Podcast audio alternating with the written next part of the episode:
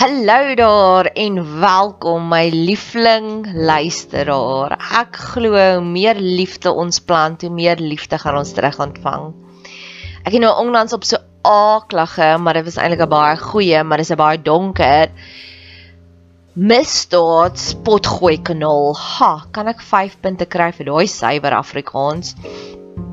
Het sy haar haar inleiding van haar potgoeie begin met Hello my loveliest little darlings. Ag, is dit nie die mooiste manier nie? Ek meen ek het daarna gaan luister net om daai liefde in haar stem te hoor. En ek glo ook God is die God van ons weet God is liefde. En ek dink ook as hy met ons praat sal hy ook sê, "Hallo my liefling" of "Hallo my skat." En ek wil daai selfde liefde uitstraal na jou toe. So hallo en welkom hier. So en baie dankie dat jy jou kosbare tyd hier by my investeer. Ek waardeer dit terdee. Maak asseblief kontak met ons as jy wil. Facebook gaan soek ons op Bet 7, dieselfde as hierdie kanaal se naampie of op Instagram kan jy ons ook gaan soek. Of jy's welkom as jy hier 'n kommentaar kan lewer, is jy ook welkom. Hierdie jaar 2022 is daar 'n hele paar nuwe projekte wat ek afloods, wat ek afskop soos naas Botha 'n brappiebal afgeskop het. Ek wil begin met motiveringstoesprake, toe toesprake, praatjies. So, as jy in die Pretoria omgewing is vir die eerste 6 maande gaan ek dit gratis aanbied. As jy buitekant Pretoria omgewing is, sal ons net vra dat jy dalk vir my en my assistent net die ou petrolgeldjies betaal en as jy relatief ver is, dalk 'n slaapplekkie vir die aand. En dit gaan alles oor hoe om die blydskap te vind. So maak kontak met my. Dalk is dit vir jou en vir vyf vriendinne van jou. Dalk is dit vir jou volgende verjaarsdag wat jy iets bietjie diepers wil deel met jou vriendinne. Dalk moet jy 'n vroue oggendreël. Dalk is jy betrokke by 'n skool. Dit dit is ook baie geskik vir skoolkinders hier van graad 7 opwaarts. En dan gaan ek ook die einde Januarie my heel eerste boekie uitbring. Dis 'n 22 bladsy boekie. Dis dun, dis nie baie leeswerk, dis baie fotos, dis vol kleur en hy sal maksimum R100 wees. So as jy belangstel en hy's in Engels om een van hierdie twee produkte om my te kry as 'n spreker of om 'n boekie te koop vir jouself of 'n vriendin of 'n sussie, maak asseblief kontak. Geniet die pot gooi.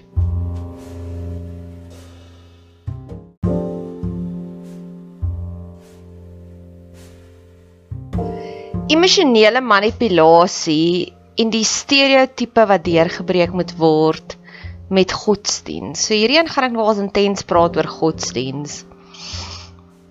Um ja, want daar is iets soos terapeutiese trauma ook wanneer jy na iemand toe gaan wat een wat 'n graad agter hulle naam het, wat 'n dominee is en jy gaan en jy vertel die storie en jy as die kind word geshame want hulle is so lief vir daai eer jou vader en moeder versie. So eerste van alles wil ek graag vir jou vertel van eer jou vader en jou moeder. Dit beteken daar mag sekere dinge wees waarna jy opkyk. Ek eer my pa. Ek eer hom vir seker hy's baie goeie besigheidsman. Hy's 'n goeie um seun pappa want hy's hy is hy sal keer of keer sê sy slogan is 18 till I die en hy is 18 till I die wat vir 'n man is dit 'n fantastiese ding want hy sal saam met hulle gaan quad bikes ry. Hy's 'n goeie skoonpa vir my twee skoonsissies want hy het nou vir hulle nou onlangs betaal dat hulle kan gaan duikerse doen So ja, daar's seker goed waarvoor ek hom kan eer. Maar dit die eer beteken nie dit is 'n get out of jail kaart vir alles nie. Jy moet alles net goedkeur nie. Love the sinner but hate the sin. So as jy al ooit seer gekry het soos ek met die ouer ding, dit is 'n baie touchy subject. Dis 'n baie baie touchy subject. Maar ek wil ook daar deurbreek.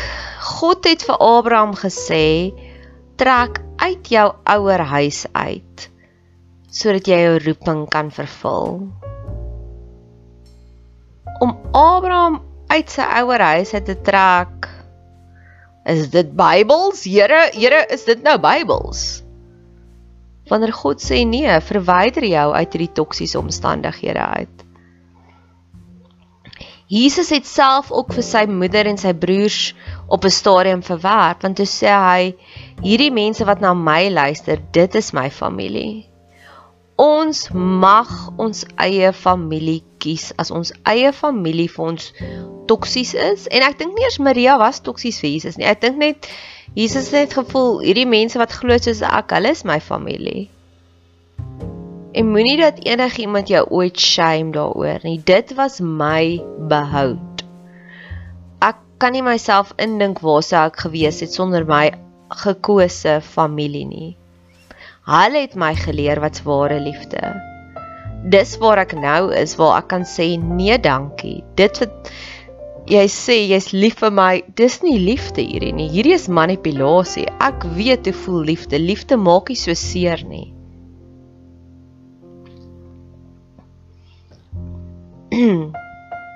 Skrifgeleerders. Ek wil gou-gou so 'n bietjie daarteen ook wend. Daar's hierdie stukkie wat Jesus sê van die skrifgeleerders wat hy sê en hy het aan hulle in sy onderrig gesê: "Pas op vir die skrifgeleerdes." wat graag in lang klere rondloop en van begroetinge op die mark te hou en van die voorste banke in die sinagoges kerke en die voorste maaltye by hulle by plekke by die maaltye. Hulle wat die huise van weduwees opeet en vir die skyn lang gebede hou. En ek wil stil staan nie hulle wat die huise van die weduwees opeet Daar is sekere trans um weergawe wat daai woord dis nie opeet nie, dit is misbruik, dis abuse. Wat weduwee is abuse. En wat is 'n weduwee? 'n Weduwee is 'n sinnebeeld vir enige iemand wat weerloos is. 'n Weduwee het nie 'n man wat haar beskerm nie. 'n Weduwee is 'n sinnebeeld vir enige iemand wat uitgelewer is. In my soeke na genesing het ek met verskeie mense gepraat en wat hulle vir my sal sê, ja, veral die vrouens, hulle eggenoot beskerm hulle. Hulle sal met hierdie toksiese ouer kuier, maar die eggenoot maak dat hulle bietjie rustiger is. En ek het nie 'n eggenoot nie. So my punt is ek 'n weduwee. Ek is weerloos teen my pa.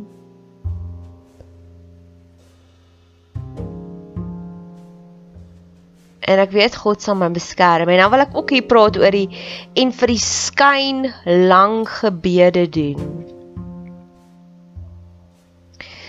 Dis 'n baie toksiese omstandighede. Ek het lank gevat om uit te figure wie ek is. Want ek het groot geword in hierdie huis wat gelyk het soos vir die buitewêreld van hierdie perfekte godsdiens. Ooh, hulle was die familie waarna almal opgesien het. Hulle was die familie wat se pa eers hoofdiaken was en later aan hoofouderling en se ma het sonnaarskool en kinderkraans afgerig. Maar as daai deurtjies toe gaan, is daar konflik. Daar aan een konflik. Ek het 'n memory, ekskuus tog.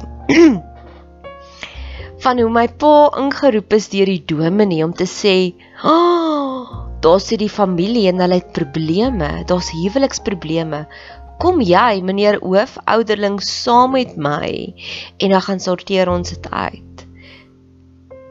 En nou besef ek wat se joke was dit, want niemand het geweet wat gaan regtig aan in ons huis nie. Niemand het geweet van die konflik nie en dit het my 20 jaar geleer om te detox van dis nie gesond nie.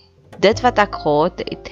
Ek het onderhoude geluister van die Yolandi girl wat in die uh, in daai Springs of Horror um huis groot geword het waar die pa het hulle verskriklik fisies aangerand. Hy het hulle op 'n stadium dan sal hy hulle in water sit en dan met 'n taser shock en dan paas hulle uit. En ehm um, daar was 'n hele paar kere wat die kinders naby aan die dood was. En daai ma het hulle nog steeds hospitaal toe gevat met 'n gebreekte arm 3 dae later want dit was jou skuld. En toe hulle vir jou daai meisie vra, "Hoekom het jy nooit iets gesê nie?" Toe sê sy want sy het gedink dit is normaal. Nou ja, ek was nog nooit in 'n bad geplaas met 'n taser nie, maar daar was al ander dinge wat met my gebeur het. Fisies Maar ek het ook vir lank gedink dis normaal. En dis nou, dis nou op hierdie ouderdom wat ek besef dit is nie normaal nie.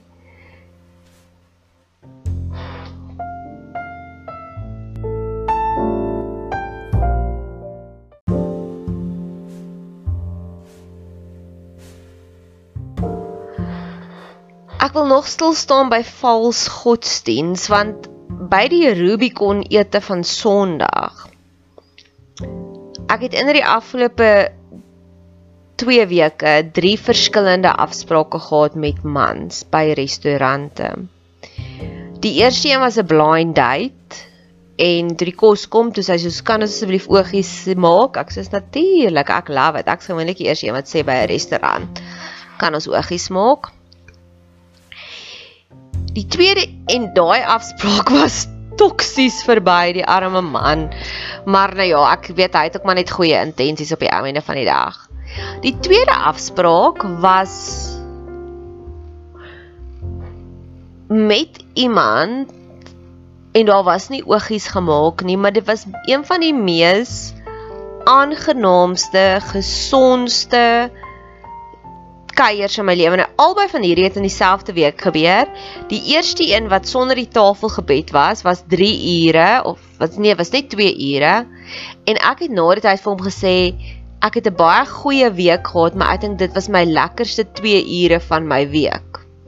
Mens sou ek daardie woorde opgevreet het, want toe in dieselfde week die Sondag het ek 'n afspraak met my pa en dit was die slegste 2 ure van my jaar sover. Dit was regtig waar dit was baie sleg op verskeie vlakke, soveel so dat ek nou moet potgooi maak om net alles uit my stelsel uit te kry. Maar daar was weer oogies gemaak. En dit kan ek kan dit net nie uit my gedagte kry nie, is Here. Hoe? Hoe? En toe dink ek weer ver oggend aan hierdie stukkie en ek het net gedink aan die abuse en die weduwees, maar dan sê hy ook en hulle wat langs skyn gebede maak. Dit was so 'n ongemaklike 2 ure. Nou moet jy weet, op hierdie stadium waar ek nou tans is, ek het al in ons omgewing verskeie publieke praatjies gemaak. So ek het nie stoktyk gehou van wie kom in en uit in daardie restaurant nie.